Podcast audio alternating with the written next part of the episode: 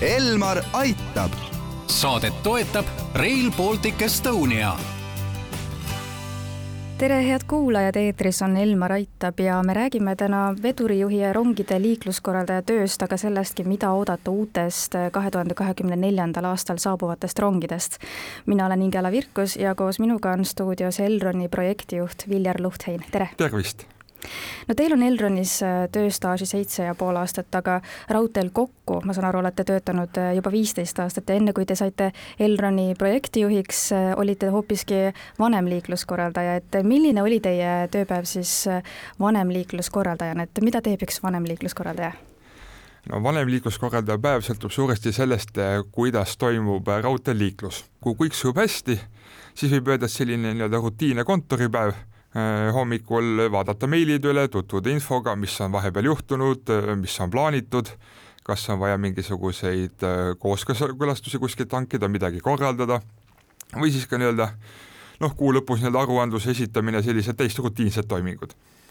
nüüd teistpidi, kui raudtee peal hakkab midagi juhtuma, mõni rong hakkab hilinema, kas on äh, rongil rike, kas on raudteel mingisugune rike või on hoopis mingi õnnetus juhtunud, siis vanemliikluskorraldaja ülesanne on juhtida siis selle eriolukorra lahendamist.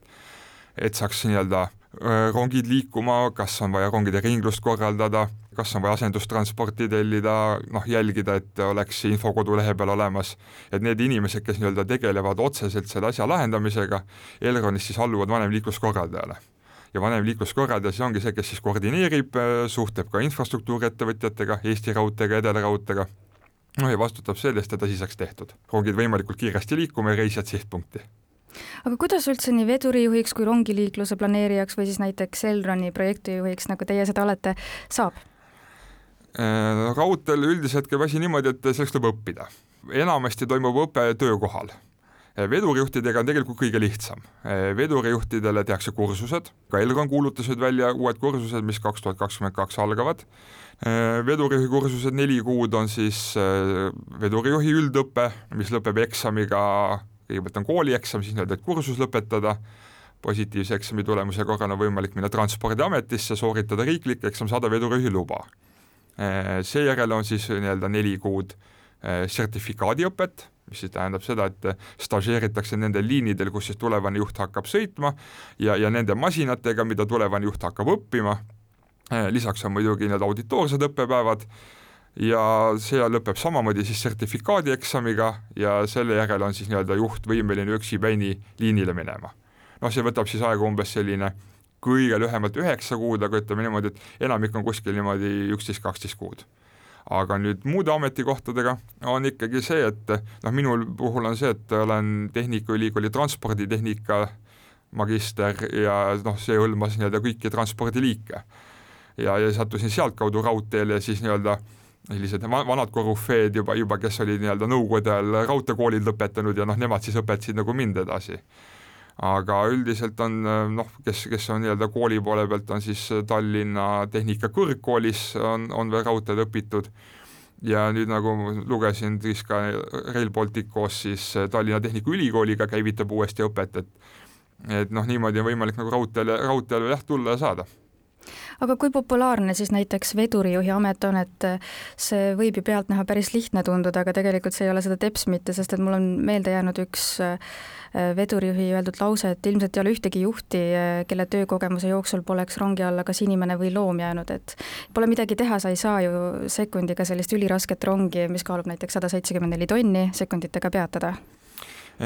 tõsi ta on, et vedurijuhi töö jah, et pealtnäha on väga lihtne ja, ja kui mitte midagi ei juhtu ja kõik hästi sujub, siis ta ongi tegelikult kerge ja ütleme, et tegevusi tuleb isegi teha vähem kui sõiduautoga juhtimisel, noh, näiteks rooli ei pea ju keerama. Et tuleb, tuleb lihtsalt nii-öelda jälgida, jälgida sõidukiirust ja, ja tegeleda pidurdamisega ja, ja reguleerida parameetreid. aga, aga amet on nii-öelda populaarne küll, et eelmisel konkursil kui Elron vedurijuhte tööle võttis, oli mäletamist mööda üle kümne inimese ühele kohale. nüüd noh, nüüd selle aasta konkurss on hetkel käimas, et selles mõttes on vara öelda, kui palju neid huvilisi on, aga ütleme, kõik nii-öelda grupid, mis me oleme varasemalt teinud, ikkagi huvilisi on olnud. ta on ikkagi omamoodi põnev, et jah, et see, mis te välja tõite nüüd nende õnnetuste kohta, on, on selle töö varjupool, aga, aga teistpidi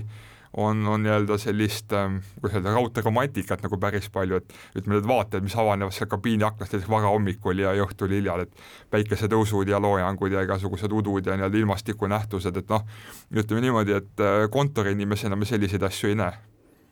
aga nendel ametitel, näiteks siis vedurijuhina või rongiliikluse planeerijana, eh, milline inimene see peab olema, kes neid töid teeb, et eh, kas ta peab olema tõeline selline rongifänn, et kodus on rongide plakatid seintel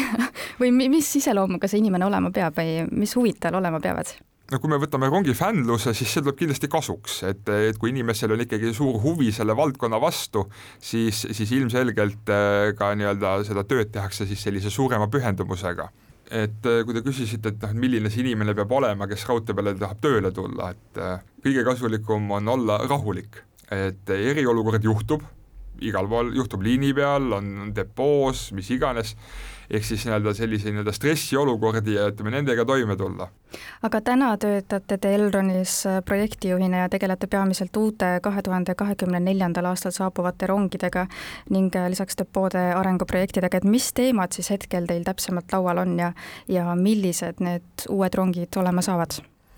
Äh, uued rongid saavad olema Škoda Regiopanter perekonnast, kui võrrelda neid uusi, uusi ronge nüüd praegustega, siis nad on pikemad ja noh, juhikabiin loomulikult on natukene teistmoodi, juhikabiinil nii-öelda küljeaknaid on vähem, kui meil praegu on, see on siis tulenevalt äh, vahepeal karmistunud turvanõuetest. Aga, aga üldiselt on jah see, et noh, kui nii-öelda küsida seda, et mis lahtised teemad meil on nagu, nagu Škodaga arutlusel on praegu näiteks ukselukud, tegeleme esimese klassi teemaga, et üsnagi palju on tulnud meile tagasisidet, et praegune esimene klass ei ole just nii-öelda kõige, kõige esimesem klass ja kõige mugavam et nii, nii palju kui võimalik, siis üritame nüüd Škoda rongidega seda asja muuta ja, ja praegusel hetkel on veel teemaks ka noh, jalgrattakohtade paigutus, mis tüüpi nii-öelda siis rattahoidikuid saaks kasutada, et oleks võimalikult mugav inimestel neid rattaid sinna panna ja välja võtta ja, ja noh, siis ütleme selliseid natu-, natukene tehnilisi teemasid on, nagu ütleme, selline noh, põhikontseptsioon ja, ja see asi on meil juba jah, kokku lepitud. kui palju neid uh, uusi ronge juurde tuleb ja mis liinidel need uh, sõitma hakkavad? Äh, no esialgu tuleb juurde kuus koosseisu. Äh, hange on tehtud tegelikult ka optsiooniga, et äh, kui on võimalik, siis me ostaksime juurde veel kümme, et oleks siis võimalik reisijatele nii-öelda ronge juurde panna, väljumisi juurde panna, siis nii-öelda liiklusgraafik oleks inimeste jaoks veidi mugavam. kuna Eesti kavas on raudteed elektrifitseerida, siis need uued rongid, elektrirongid hakkavad teenindama esmalt Tallinn-Tartu liini see on siis ka esimene liin, kus eh, uus eh, pingesüsteem valmis saab, järgmisena on plaanitud elektrifitseerida siis Tapalt Narvale, kui see on tehtud, siis me hakkame Narva liini uute rongidega opereerima. Ja, ja ilmselt siis ka sinna nii-öelda vahepeale jääv lõik, mis siis praegu on elektrifitseeritud Aegviiduni, tulevikus siis hakkab siis nii-öelda linnalähirong olema kuni Tapani. et need on siis plaanis teenindada uute Škoda rongidega kõlab igatahes väga põnevalt, aitäh teile saatesse tulemast, Elroni projektijuht Viljar Luhthein, jääme neid ronge siis ootama ja palju jõudu ja jaksu teile! aitäh! Elmar aitab! saadet toetab Rail Baltic Estonia